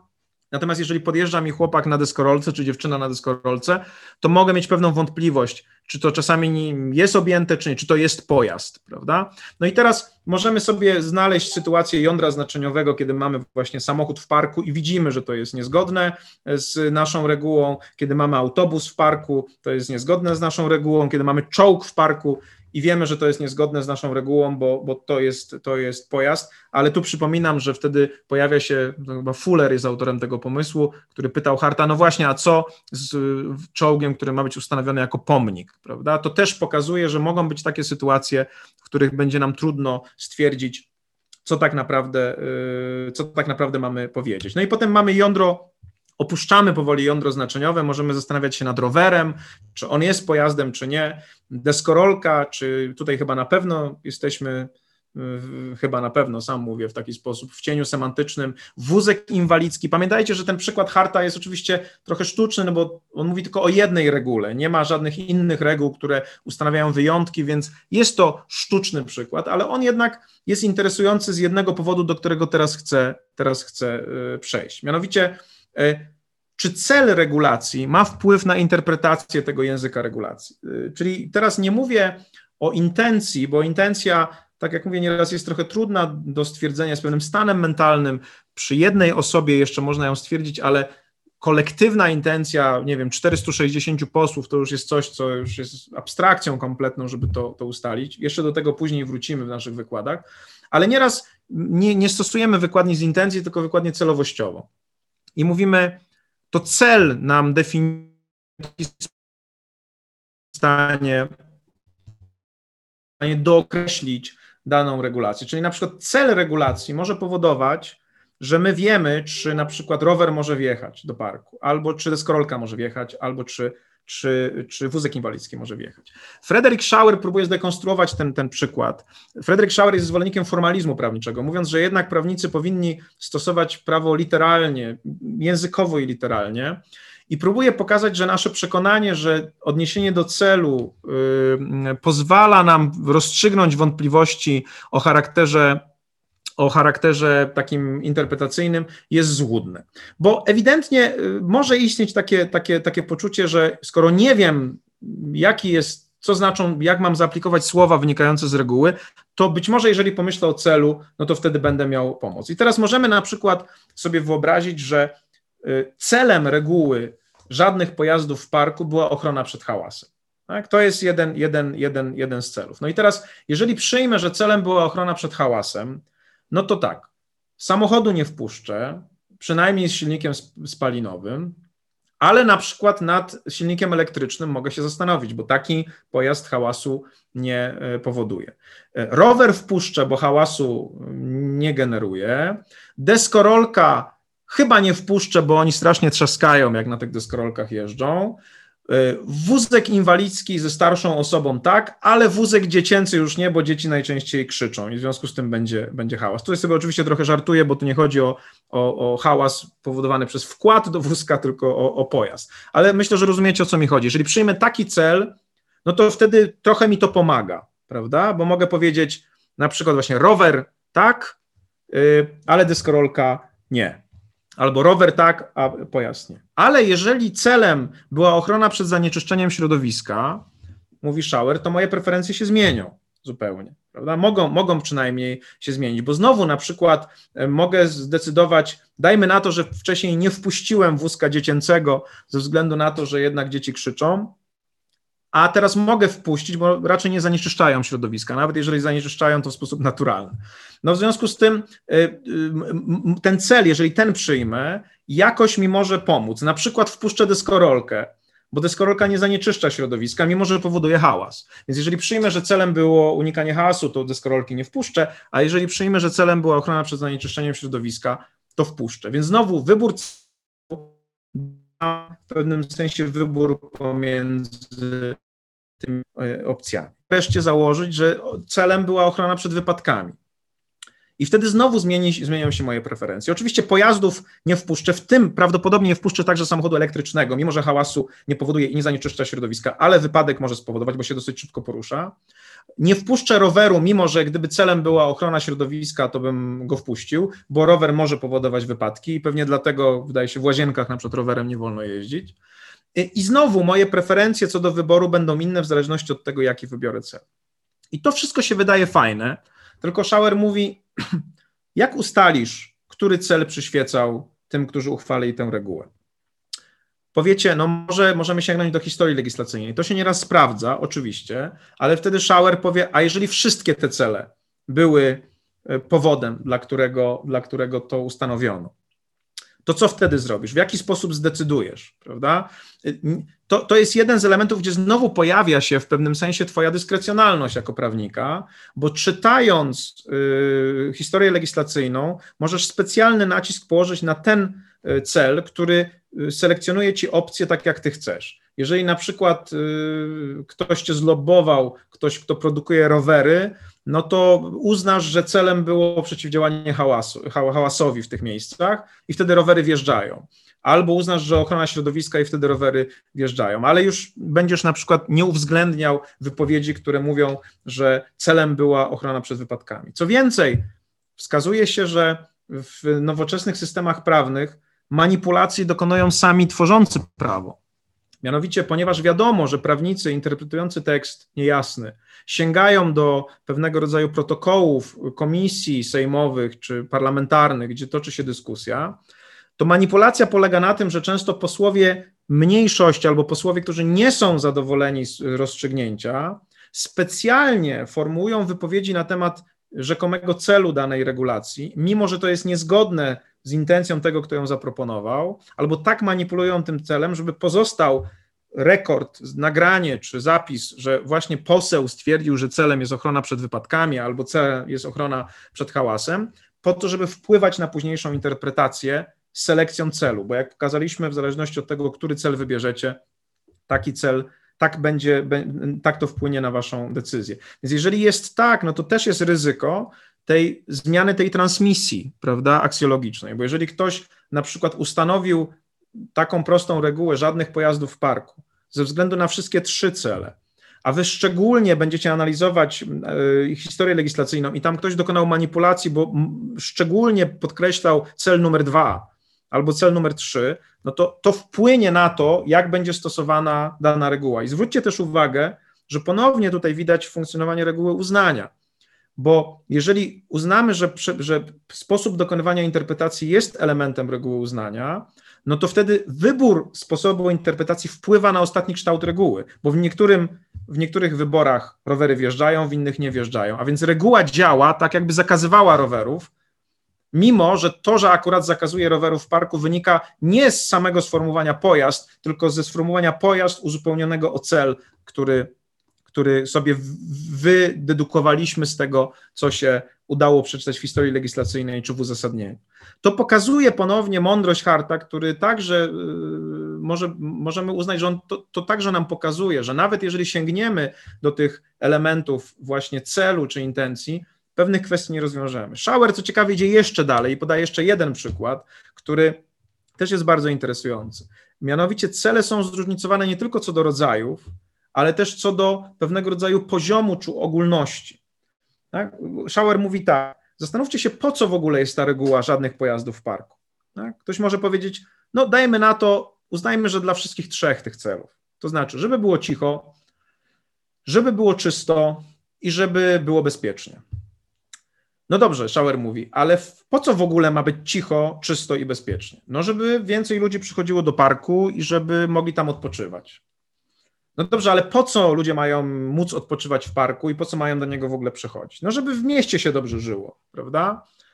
No ale, ale po co ma się w mieście dobrze żyć? No, żeby dużo ludzi przyjeżdżało, żeby zostawiali swoje pieniądze i żeby miasto było popularne, bo dzięki temu rośnie że tak powiem, popularność tego miasta. No i Schauer mówi, no dobrze, to teraz mam dla was taką zagadkę. Wyobraźcie sobie, że wasza drużyna piłkarska zdobyła Mistrzostwo Polskie albo, nie wiem, Mistrzostwo Świata e, i ona chce u was w parku, w którym obowiązuje zasada no vehicles in the park, zorganizować taką paradę, którą tutaj możecie zobaczyć na tym, na tym slajdzie, złożoną z kolumnady autobusów, kolumnady pojazdów, policji i ogromnej rzeszy ludzi.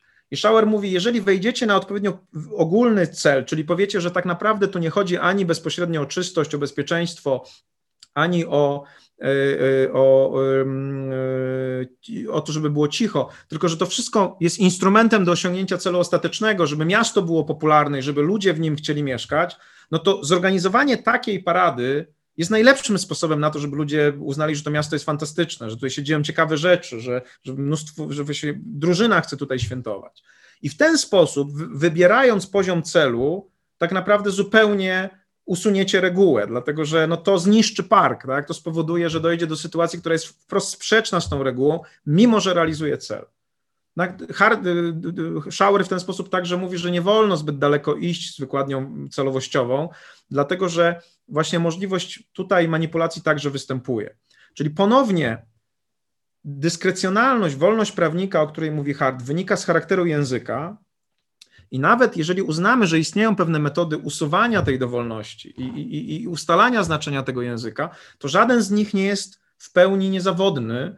Odwołanie się do intencji może być nieraz utrudnione. Złe odwołanie się do intencji doprowadzi w ogóle do, do takiej realizacji reguły, o której w ogóle prawodawca nie myślał, tak jak w tym przypadku z wyrywaniem popielniczek z rąk osobom palącym albo ze ściany. E, odwołanie się do celu ma w sobie mnóstwo dowolności, także, bo po pierwsze może, możemy zdecydować o jaki cel chodzi. Większość reguł ma kilka celów co najmniej. Wybór każdego z nich zdeterminuje jakoś inaczej nasze rozstrzygnięcie. Y, dodatkowo jeszcze Schauer mówi, reguły mają różne poziomy, na których te cele można y, rozpatrywać. I jeżeli wejdziemy na odpowiedni ogólny, odpowiednio ogólny poziom reguły, to możemy w ogóle rozstrzygnąć w sposób zupełnie, zupełnie niezgodny z tym, jak funkcjonuje prawo i y, z tym, jak, co chciał prawodawca i co mówi język. Zdaję sobie sprawę, że to nie są zbyt pocieszające mm, y, tezy dla Was, no bo właściwie można powiedzieć, że z tego, co ja mówię, wynika, że my jesteśmy bezsilni. Nie wynika to do końca. Mianowicie musimy mieć tylko dużo pokory w sobie, że ustalenie znaczenia języka tekstu prawnego to nie jest bułka z masła.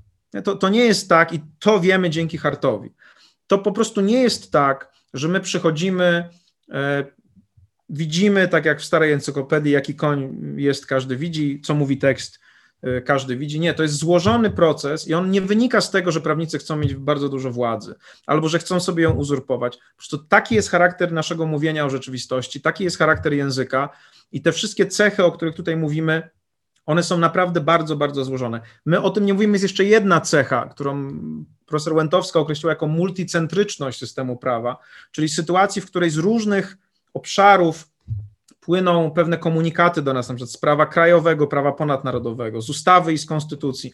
One nie zawsze są ze sobą zgodne, one często są sprzeczne ze sobą, prawda? Ja już kiedyś Wam opowiadałem chyba tę historię, kiedy kiedy właśnie mm, na jednym ze spotkań dyskutujących, trochę można powiedzieć, było to spotkanie pomiędzy liberałami i konserwatystami e, w zakresie interpretacji prawniczej, gdzie konserwatyści twierdzili, że prawnicy mają zbyt dużo, zbyt dużo cech e, zbyt dużo tej przestrzeni do wolności i tak nie powinno być. E, liberalni filozofowie prawa tego bronili. Profesor Morawski powiedział, że przecież jeżeli mówi do mnie matka, że ma być o 23 w łóżku, to to jest jasne i tutaj nie ma żadnej interpretacji. Natomiast nie ma takiej komunikacji w prawie. W prawie jest często komunikacja wielopoziomowa, gdzie matka mówi, że masz być o 23, ojciec mówi, że masz się nauczyć na sprawdzian, dziadek mówi, że masz z nim posiedzieć, a babcia mówi, żebyś zawsze słuchał starszych, prawda? I ta, ta, ta, tak te komunikaty tak naprawdę do nas docierają z różnych poziomów i tutaj także jest pewna dowolność, też jest pewnego rodzaju konieczność ich pogodzenia ze sobą, prawda? I to też znowu nie nasze widzimy się jako prawników decyduje, że tak jest, tylko po prostu jest wiele centrów legislacyjnych. Kiedyś tak nie było. W XIX wieku, kiedy był twardy pozytywizm, tak nie było. Było państwo narodowe i suweren, który ustanawiał prawa. Teraz przy, przy globalizacji, przy państwach, które są częściami na przykład nie wiem, federacji, konfederacji, przy państwach, które są częściami y, organizacji międzynarodowych, przy rozwiniętym prawie międzynarodowym jest cała masa komunikatów, każdy z nich może być niejasny, niejasne są do końca ich cele i jeszcze ich relacja wzajemna jest niejasna, co powoduje między innymi to, dlaczego prawnicy są tak bardzo potrzebni. Jeszcze raz podkreślam, nie dlatego, że sami się windują do tego typu yy, roli, ale dlatego, że prawo staje się coraz bardziej złożone i na tych różnych poziomach prowadzi, y, jakby zadaje nam coraz, coraz trudniejsze do rozstrzygnięcia łamigłówki, no, które jakoś rozstrzygać trzeba, bo ostatecznie trzeba przecież podjąć jakąś decyzję i, i, i trzeba wydać wyrok i trzeba rozstrzygnąć, czy coś jest dozwolone, czy coś nie jest dozwolone. Czy do tej kwestii, o której teraz mówiłem, czyli kwestii interpretacji reguł, cech języka, wykorzystania intencji, wykorzystania celu, dyskrecjonalności prawników macie jakieś pytania?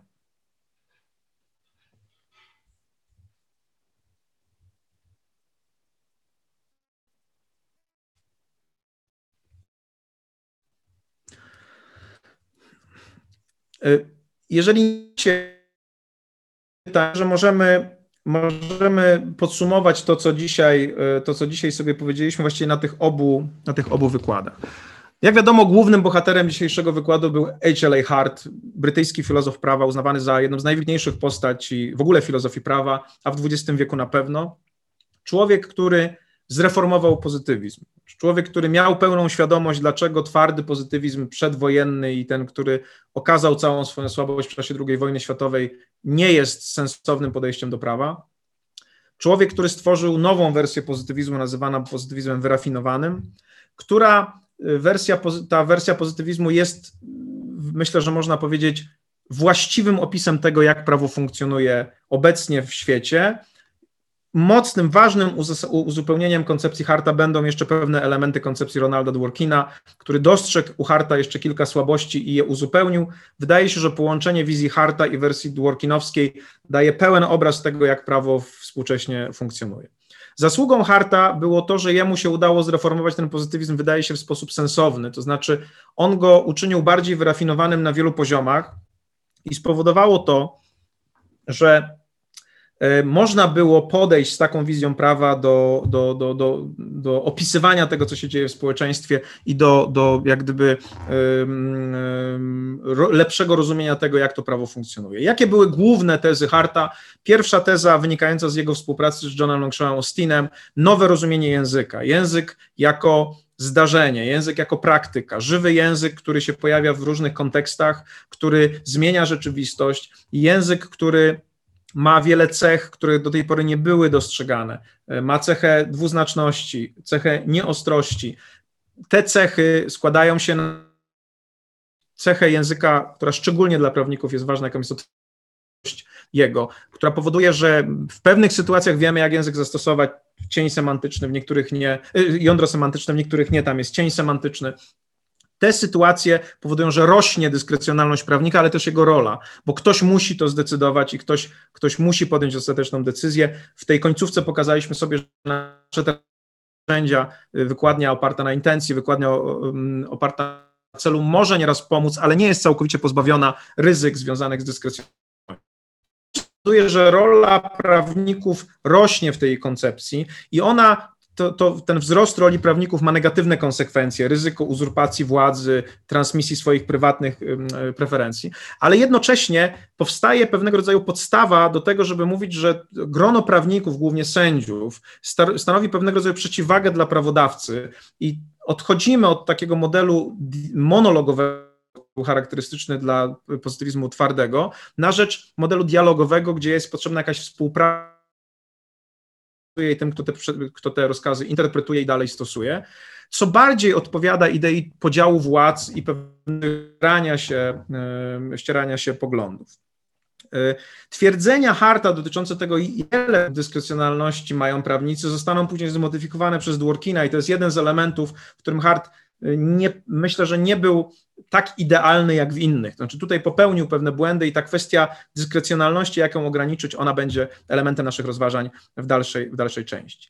Druga zmiana, którą Hart wprowadził, bardzo istotna, pokazanie, że istnieje większe zróżnicowanie reguł niż myślał o tym twardy pozytywizm. Prawo to nie tylko rozkazy zabezpieczone sankcją, to nie tylko duty imposing rules, reguły nakładające obowiązki, ale także reguły, które dają możliwości działania, tak zwane reguły wtórne, Hart rozróżnia trzy takie reguły: reguły zmiany, reguły orzekania czy rozsądzania i reguły uznania. One różnią się od reguł pierwotnych tym, że żerują, są trochę pasożytnicze na tych regułach pierwotnych, w tym sensie, że pracują na nich. Na przykład reguła zmiany mówi, jak zmieniać reguły pierwotne, reguła orzekania czy rozsądzania mówi, w jaki sposób decydować, czy reguły pierwotne zostały naruszone i jak za ich naruszenie karać. I reguła uznania, która jest najbardziej tajemnicza, y, y, akceptuje regu inne reguły jako elementy systemu i uznaje je za ważne, jest pewnego rodzaju testem. I pokazaliśmy sobie też to, że skład konkretny tego testu jest przedmiotem dyskusji. Są tacy, jak pozytywiści ekskluzywni, którzy uważają, że tam są wyłącznie pewne formalne, proceduralne elementy, nie ma elementów, które mają związek z moralnością. Y, inne podejścia, które są charakterystyczne dla pozytywizmu inkluzywnego, mówią, że tam mogą być pewne, po pierwsze, treściowe wymogi, po drugie, takie, które mają związek e, z moralnością. E, wydaje się, że obecnie, i to także potwierdza Dworkin, i tutaj także Dworkin pokazuje pewną słabość Harta, jedną z niewielu, że, że jego stanowisko co do tego, czy moralność jest elementem, który służy do oceniania ważności prawa, to jego stanowisko nie było jasne i Dworkin w tym zakresie także to stanowisko uzupełni w ciekawy, w ciekawy, w ciekawy sposób. I mamy do czynienia jeszcze z jednym elementem, mianowicie z zakwestionowaniem tezy, może nie zakwestionowaniem, z osłabieniem tezy o rozdziale, mimo takiego stałe, bardzo twardego stanowiska, twardego pozytywizmu, prymitywnego pozytywizmu o tym, że moralność nie ma wpływu na ważność prawa, nie decyduje o tym, czy coś jest prawem. Hart y, mówi, że istnieje minimum prawa natury w prawie pozytywnym, y, czyli prezentuje tę swoją taką viability thesis, która może być sprowadzona do tego, że żeby było prawo, musi być społeczeństwo.